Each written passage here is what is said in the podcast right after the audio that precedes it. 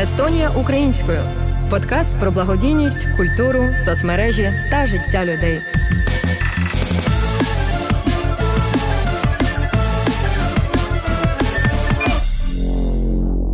Вітаємо вас, шановні слухачі. Ви на другому сезоні подкасту Делфі Естонія українською.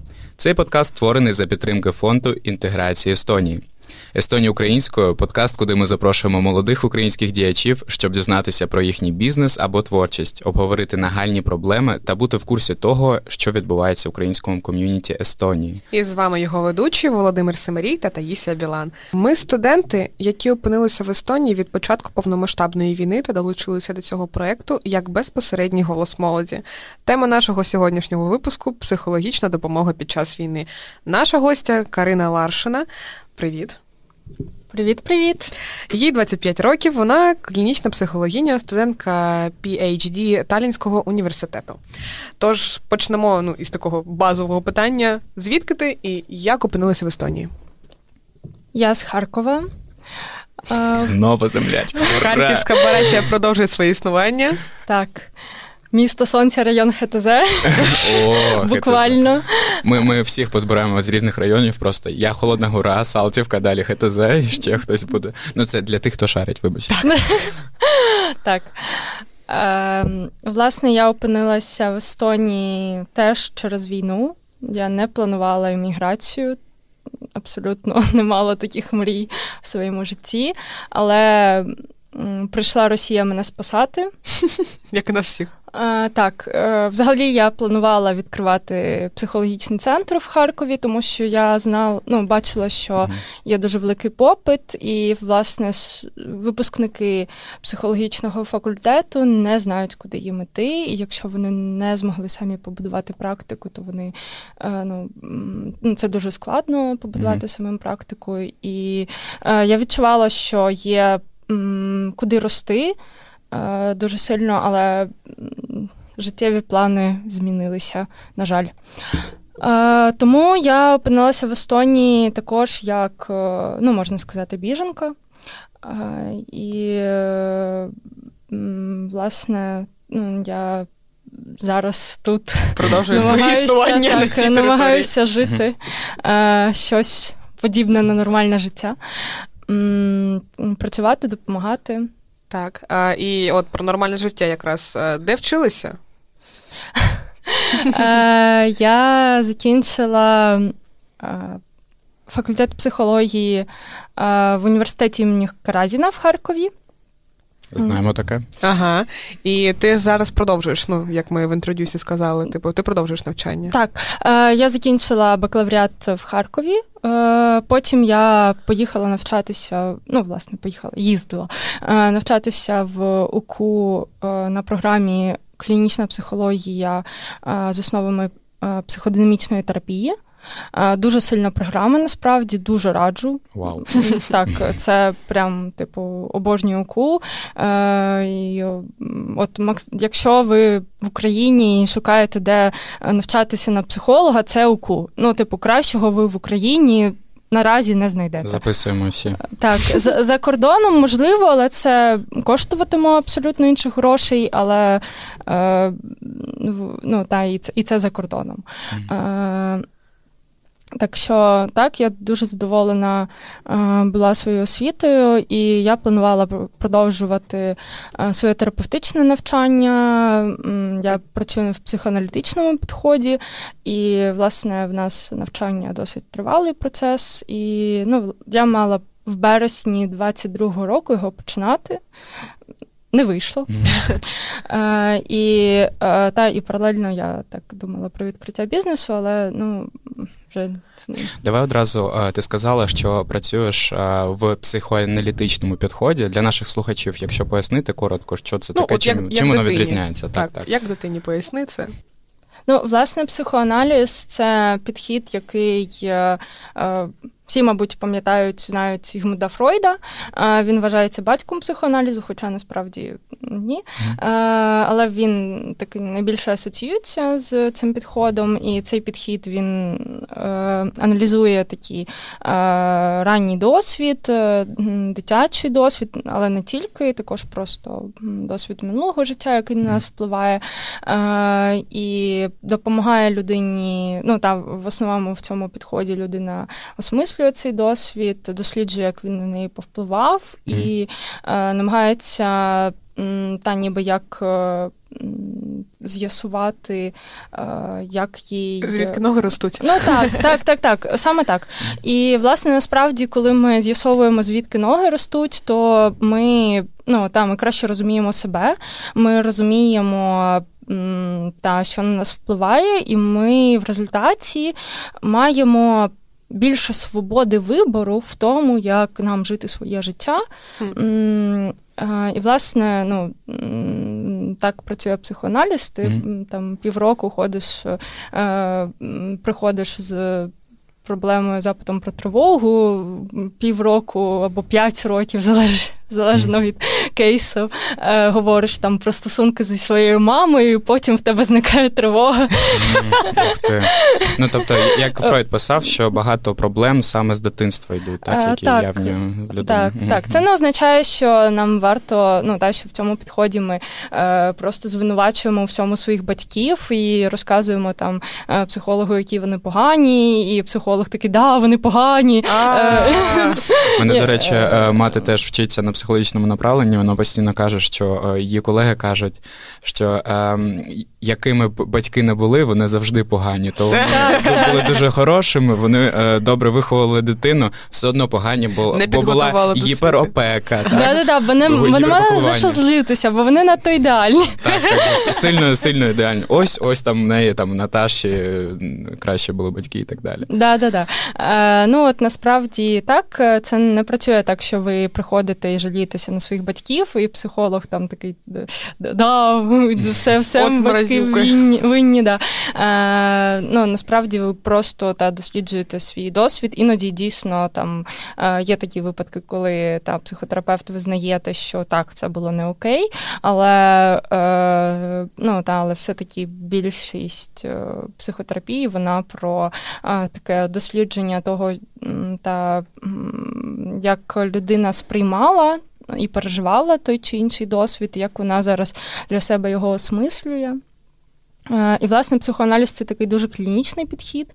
Е, він це єдиний підхід наразі, який працює е, зі структурою особистості, тобто який теоретично це така дуже амбіційна ціль, насправді це тільки дуже здібні і досвідчені аналітики таке можуть, але все одно це теоретично можливо тільки в психоаналізі та допомогти людині вийти на інший рівень функціонування особистості, тобто умовно людину з стати Богом. Тобто. Ні, ні, ні, ні. Навпаки. А, це? Е, ну, А на що таке? Я не розумію такі приколи.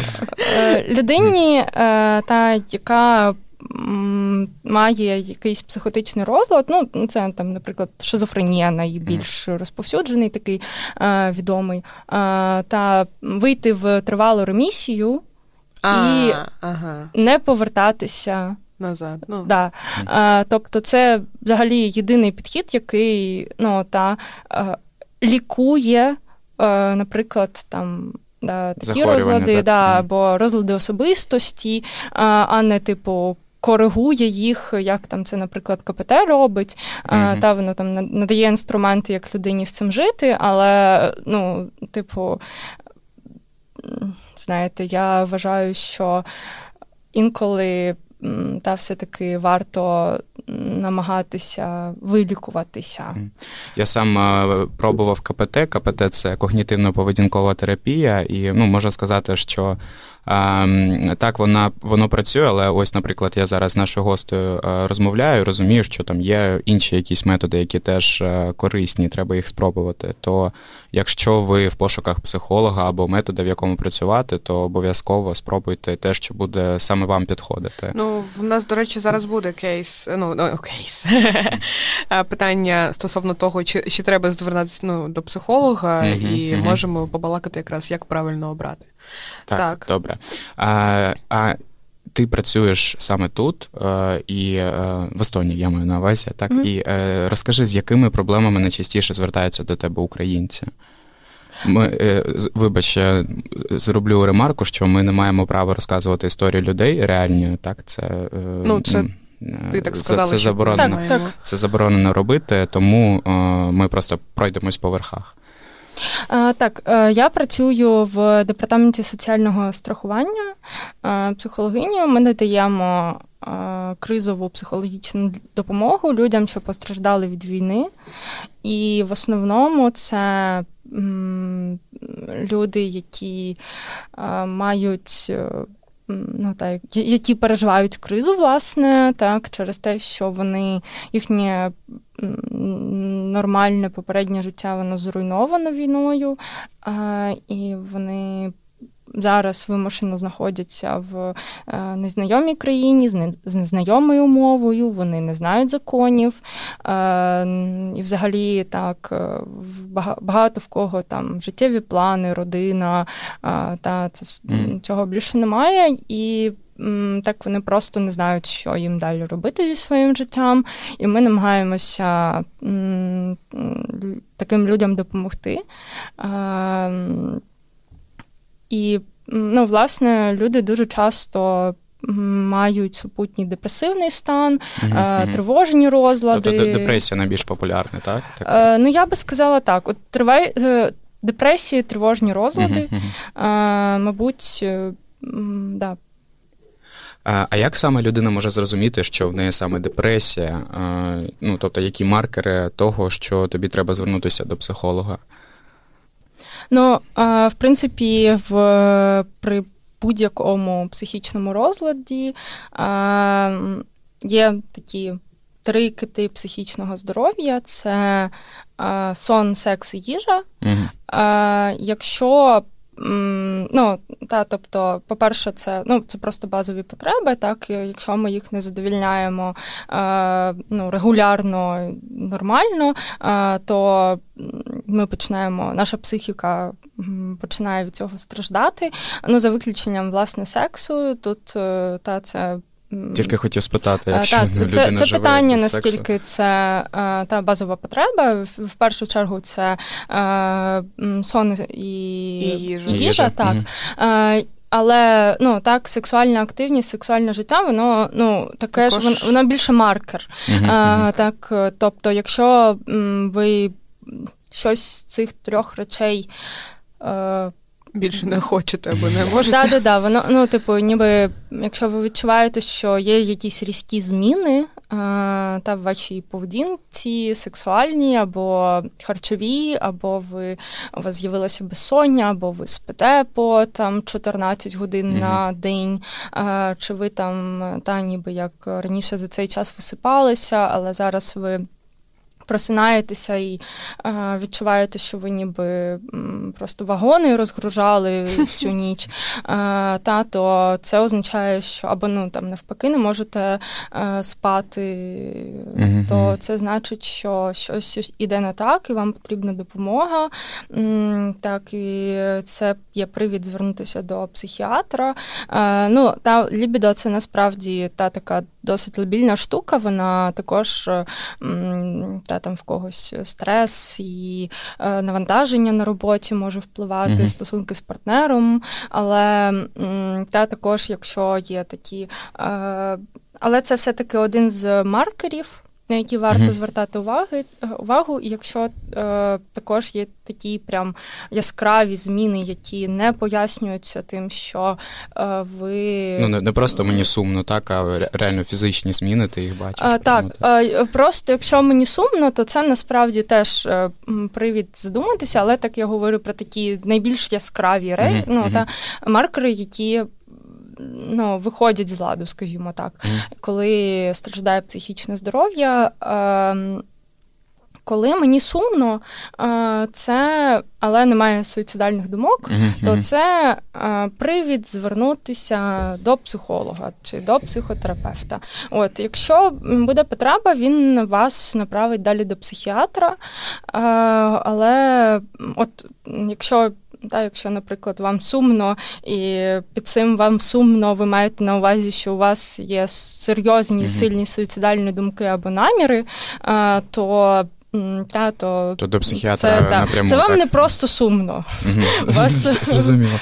А е, чи є можливість в українців е, звернутися до психолога, психіатра і психотерапевта, які ну, досі е, українці, які досі не стали на ноги, чи є в них можливість отримати допомогу? Так, е, якщо в так більшість українців тут застрах, застраховані, вони мають страхування медичне. Е, всі люди, які мають медичне страхування, можуть звернутися е, по. М, Допомогу психіатра.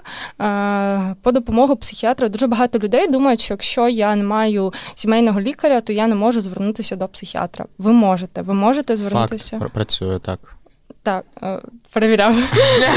Перевіряли. Тут всі перевіряли. Ми всі перевіряли. Так, бо потрібна була допомога. Теж я українець, теж після повномасштабки приїхав. Тому е, потрібно, але не дуже легко система, до речі, працює. Тобто... Так, це. А, а в чому в тебе були складності в системі? Мені просто цікаво, тому що я. Ну, е, Проблема така була, що е, багато е, лікарів вже зайняті. Ну, Я живу в Тарту просто, і в Тарту багато вже зайняті були ті, хто розмовляє або російською, або українською. Є такі, що працюють саме з українцями, але в них вже графік дуже такий важкий, е, тугий, і е, мені там назначили зустріч десь тільки в жовтні, коли я просив це у е, десь влітку. Влітку, так, так. Щось ну, таке, то ну не дуже легко записатися саме. Так, це правда. Е, психіатри в Естонії дуже сильно перевантажені, е, власне, ну, через е, потік українців теж в тому числі. Але ну, це не значить, що вам не треба пробувати. Отримати допомогу. Я власне скажу, що е, в мене не раз була ситуація, коли я м, потребувала медичної допомоги, не психіатричної, але все одно. Я в Естонії, так і я її завжди, коли вона. Була реально потрібна, я її отримувала, і вона дійсно була гарної якості. Іноді доводилось чекати, якщо це ну не таке термінове. Якщо у вас є терміновий запит, то вам варто звертатися одразу в швидку психіатричну допомогу. Угу. Вона я точно знаю, що в Талліні на Палдіській Манте 52, і вона працює там з 8 по 5 кожен Усі день. адреси, телефони ми запишемо, все, так, що ми було корисно. Е, лишимо так, це все в передмові до подкасту. Так, тобто... так. Угу. Власне, якщо у вас психоз, чи в когось з ваших близьких там психоз, і вони бачать там те, чого немає, і все таке, або вони, ну там, да, або у вас, чи також у ваших близьких а, сильні Не дай Боже, звісно, але так, так, сильні там суїцидальні думки, і ви, ви там боїтеся за себе, то ви одразу йдете йдете туди, ви не чекаєте е, прийому психіатра, ви йдете туди, там ви отримаєте допомогу без черги. Але якщо ви та поки що не збираєтеся там. Вбивати себе, то тоді ви та, записуєтеся до психіатра і чекаєте е, зустрічі з психіатром. Е, є лайфхак. Якщо ви е, хочете, так, якщо Так. Е, Цікаво, цікаво. Давайте Е, лайфхаки від слівки шоу. Давайте, ми таке любимо. в Дігілугу можна, е, ну та якщо ви, наприклад, не готові там платно йти до психіатра, середній, середня вартість 100 євро на секундочку. Або А, 150. Капець. Реально, так, так. Ну, Е, так, е, і то ви можете, наприклад, в Дігілугу, коли шукаєте там запис, то ви можете просто вказати не е, там ваше Оплата- місто, не, А, інше місто. а вся Естонія. Ага. І Естонія маленька. В принципі, якщо ви там мобільна людина без е, там маленької дитини, або навіть з маленькою дитиною можна Мгм. там знайти на кого її залишити, там е, ну та ви можете вільно пересуватися, то ви в цілому за день можете е, та з'їздити в інше, в інше місто, і тоді є. Великий шанс, що ви протягом кількох днів тижня отримаєте запис. А наскільки це дешевше? Е, Це безкоштовно. Це безкоштовно. А, це Може бути навіть безкоштовні записи. Так? Ну, тобто там 5 євро за, За цей сам прийом. візит- за Ага, ага. Ну і ваша дорога, якщо там це не громадський транспорт. Так що е, так, це, м, Це ще працює. Да, цим можна користуватися. Ну, я поки сама не пробувала, мені не доводилося, на щастя, але е, я перевіряла в Дігілугу. Ну, так, коли е, я працюю з людьми, і мені там я посилаю людину до психіатра, і вона там приходить і каже, що не вдалося записатися. Я кажу, чому там? Ну тому то. Е, то е, я в якийсь момент е, зрозуміла, що нічого не працює. Я беру свого хлопця, кажу, типу, давай запиши на мене до психіатра. Я, типу, я просто скидаю, е, скидаю своїм клієнтам туторіал, як це зробити, бо я вже не знаю, як це. Ага. Ну, діджиталізована Естонія просто. Да. Ну, Іноді, коли іноді звикаєш, важко. Так, коли так. звикаєш, вже норм, але Мгм. по-перше, так, буває. Спочатку так. Так. Також українці можуть отримати допомогу в департаменті соціального страхування, власне, там, де я працюю. Е, Ви можете позвонити по телефону, я зараз вам скажу. м, 116006. Е, Це Гаряча лінія? гаряча е, так, вона називається її криза, кризова лінія. Допомога по допомозі жертвам, але це в принципі Ну, ми всі Мгм. всі. Добре. А, так, е, жертви війни також. А, Там працюють е, е, також, на жаль, україномовної лінії більше немає, але також там працюють наші українські психологи. Ага, І там, якщо вам пощастить, то ви можете допомогу українською отримати. А от е, є розповсюджений міф про те, що психолог, ну і психіатр це якесь вже клеймо, типу, це страшно. І я там нікуди не влаштуюся після того, як звернуся, або мені страшно, що мене посадять на пігулку, або я буду психом там після цього. Що б ти, ну. Сказала цим людям, Ц- ну чи дійсно так страшно звертатися за психологічною допомогою? Як так люди думають? Ну і або чому, або ну і що б ти б хотіла їм сказати?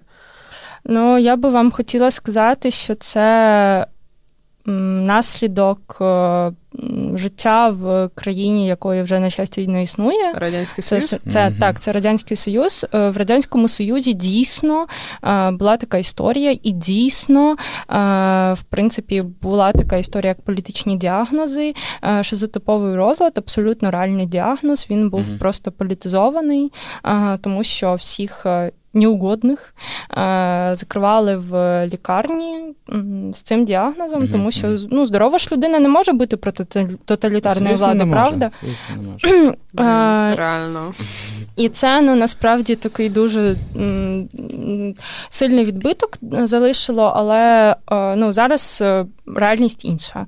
І тим паче в Естонії ну, факт вашої вашого звернення по допомогу він є конфіденційний. Про нього не знають ні ваші близькі, поки ви їм не скажете, е, ні ваш роботодавець. І е, ну, власне, ви не будете мати проблем з тим, щоб знайти роботу, якщо та якщо ви звернетеся до психіатра, і навіть якщо у вас там буде якийсь більш-менш серйозний діагноз, є виключення. Це, наприклад, якщо ви там раптом захочете працювати в естонській розвідці, то тоді вони Ну, там там і важко працювати буде. Так, вивчити естонську мову і знати законодавство. Так, так, і наскільки я знаю, то бути громадянином. Громадян, так, потрібно громадянство прийняти. Ну, але раптом хтось має наміри. наміри. Так. Ну, я просто вважаю, що важливо озвучувати реальну ситуацію, а не говорити, що ні, ні, ніколи це вам проблем ну, в житті так, не створить. Ну, комусь може створити. Так, але так, але це... загалом ну, не створює. Так, але я думаю, що це реально дійсно дуже така е, фантазійна ситуація, і все-таки, якщо вам погано зараз, то отримайте допомогу зараз, а те, що коли там колись там ви в капо захочете працювати, ну ви вже якось з цим розберетеся. Ну, ну до речі, це це факт. Я е, не просто так казав, що ми не маємо права розголошувати історії, бо е, усі психологи працюють е, анонімно. Вони ніколи не розповідають, як вас звати, яка у вас проблема і так далі. Тобто, ви спокійно можете звертатися. І найголовніше, що затягувати це не треба, бо можна Стане дійти да, до такого стану, що зовсім вже не вийти. Ну це дуже тяжко, і ось тоді потрібні будуть будуть пігулки і так далі. Тобто, краще проконсультуватися, краще знайти це якомога раніше. Так. І е, от ну ми так загнали, звісно, про страшні вже ситуації. А якщо ну, типу, момент не критичний, якщо я себе почуваю е, якось трошки погано, ну які поради просто щоб підтримувати себе в нормальному стані? Тобто, що можна вдіяти, якщо мені там тривожно, ну не але не критично тривожно? Що значить не критично тривожно? Ну тобто я поки не маю наміру е, звертатися, бо в принципі я почуваю себе гарно, але в деякі моменти е, я ну не ну, знаю, що мені важкувато. Що можна вдіяти, які можуть бути поради? Ну тут е, так, якщо ти ти або та людина, про яку ти говориш, прям критично не хоче звертатися по допомогу, то тоді це е, власне так само пізнання, тобто це ну. Я вважаю, що так е, освіта психологічна, ну не академічна uh-huh. в сенсі, а така популярна, вона м, скоріше допомагає, якщо це нормальне джерело, а, так тому що воно дійсно допомагає людям краще розуміти себе. А, Так, це підтримка друзів, рідних, е, і в принципі е, ці речі, які тебе завжди підтримують, і там хобі, і улюблена справа, і все таке. Але все все-таки я би, ну не знаю, я як е, спеціалістка я вважаю, що ну, та як отримувачка uh-huh. психологічної допомоги теж, я вважаю, що ну, нащо мучитися, якщо так е, можна там можна самому собі вирвати зуб і перед тим прочитавши всю там всю е, стоматологічну да, всю стоматологічну літературу і самому у всьому розібратися, і можливо це навіть е, закінчиться добре, але поки ви будете це все читати і розбиратися, ви будете страждати, і, і ви витратити просто дофіга mm-hmm. часу, ну, яке могли витратити на будь-що інше цікаве, класне в своєму mm-hmm. житті. Ну, аніж людина, яка витратила реально на це час багато, ну, навчилася краще, так, так е, допоможе вам просто. Так, і власне, mm-hmm. ну, якщо там е, умовно тобі тривожно, так, то е, ну, якщо ти просто звернешся по допомогу, то якщо це буде хороша психотерапія, то ти будеш розуміти, чому тобі тривожно. Так, ну, що з тобою відбувається. Я просто якраз таки, типу, звертаюся до психо, ну, до психологічної допомоги час від часу, тому я знаю, це питання таке більш загальне. Угу. Так, так. Е, Ну і тут ми торкнулися, типу, самолікування. Тобто, угу. самолікування іноді воно ну, не завадить. Тобто, якщо ми там читаємо, дивимося психологічні подкасти і так далі, тобто це не заважає тобі як людині. Чи все ж таки є питання до цього? Є самолікування, є самодопомога. А, угу. ага. Якщо ви а, читаєте там книжки про психологію, психологію. Є різні книжки про психологію, але якщо там умовно. Скажімо, ви читаєте щось хороше, а, так, чи дивитесь якісь там лекції, вебінари. Спартака то... суботу, наприклад. Ой, ми спитаємося, тихо, тихо, no spoilers. Окей, окей, ну давай, Спартак субота. Не дай Боже. Якщо коротко. То так що, про Спартака суботу чи як? Ну, якщо хочеш. Ну скажи нам, ш... давай швиденько. Що думаєш про нього? Про таку ну, популярну психологію? Думаю, що Треш? Ну, думаю, що чувак, е, типу, абсолютний нарцис, і що, ну, на жаль, в нашому суспільстві є е, запит дуже великий на е, харизму і нарцисизм, а не на реальну експертність і глибину. Е, власне, Арестович туди ж. О, Це ну, я так записуємо список. Вони то, одне ці, ці Од, ж яйця одного тільки. поля ягоди, да. я зрозуміла. Так. А, Тому ну, я, в принципі, як е, одразу він мене бісив, тому що я розуміла, що він, ну, як е, більшість КПТшників, він такий дуже категоричний і такий КПТ тільки працює вся інша фігня. Що ну, взагалі-то неправда і це як прямо некоректно. направлення релігії якісь. Ну так, і власне є один протокол. Це це релігія для дуже тривожних людей. Є один протокол, по ньому йдеш. А, Так дуже легко контролювати терапевта, не не треба вибудовувати з ним близькі стосунки і довіру з ним. І ну, знаєте, дуже зручно. Дуже зручно, але. Ну, є є свої нюанси. Так. тобто є. І ну я знаю, що ну, я дуже поважаю підхід КПТ в тому, що він дійсно допомагає швидко там, де треба швидко допомогти, але це не панацея, тому що іноді люди вірять в те, що КПТ це єдина, єдиний інструмент, взагалі, який вони можуть використовувати, ага, і ну та і не пробують отримати допомогу там, де вони можуть її отримати, і отримати більш стійкий результат. Ну або просто пошукати альтернативу, в принципі. Так яка може їм підійшла би ну, краще. Так, і усі важливі контакти ми обов'язково залишимо в описі до цього подкасту. Тобто, якщо вам потрібна термінова психологічна допомога, звертатися обов'язково. Так, е, і тепер дякуємо Карину. Дякую вам. Так, наш подкаст добігає кінцю. Е, з вами була наша гостя Карина Ларшина та Володимир і Таїсія. Е, цю та інші передачі було створено за підтримки фонду інтеграції Естонії. Естонія українською.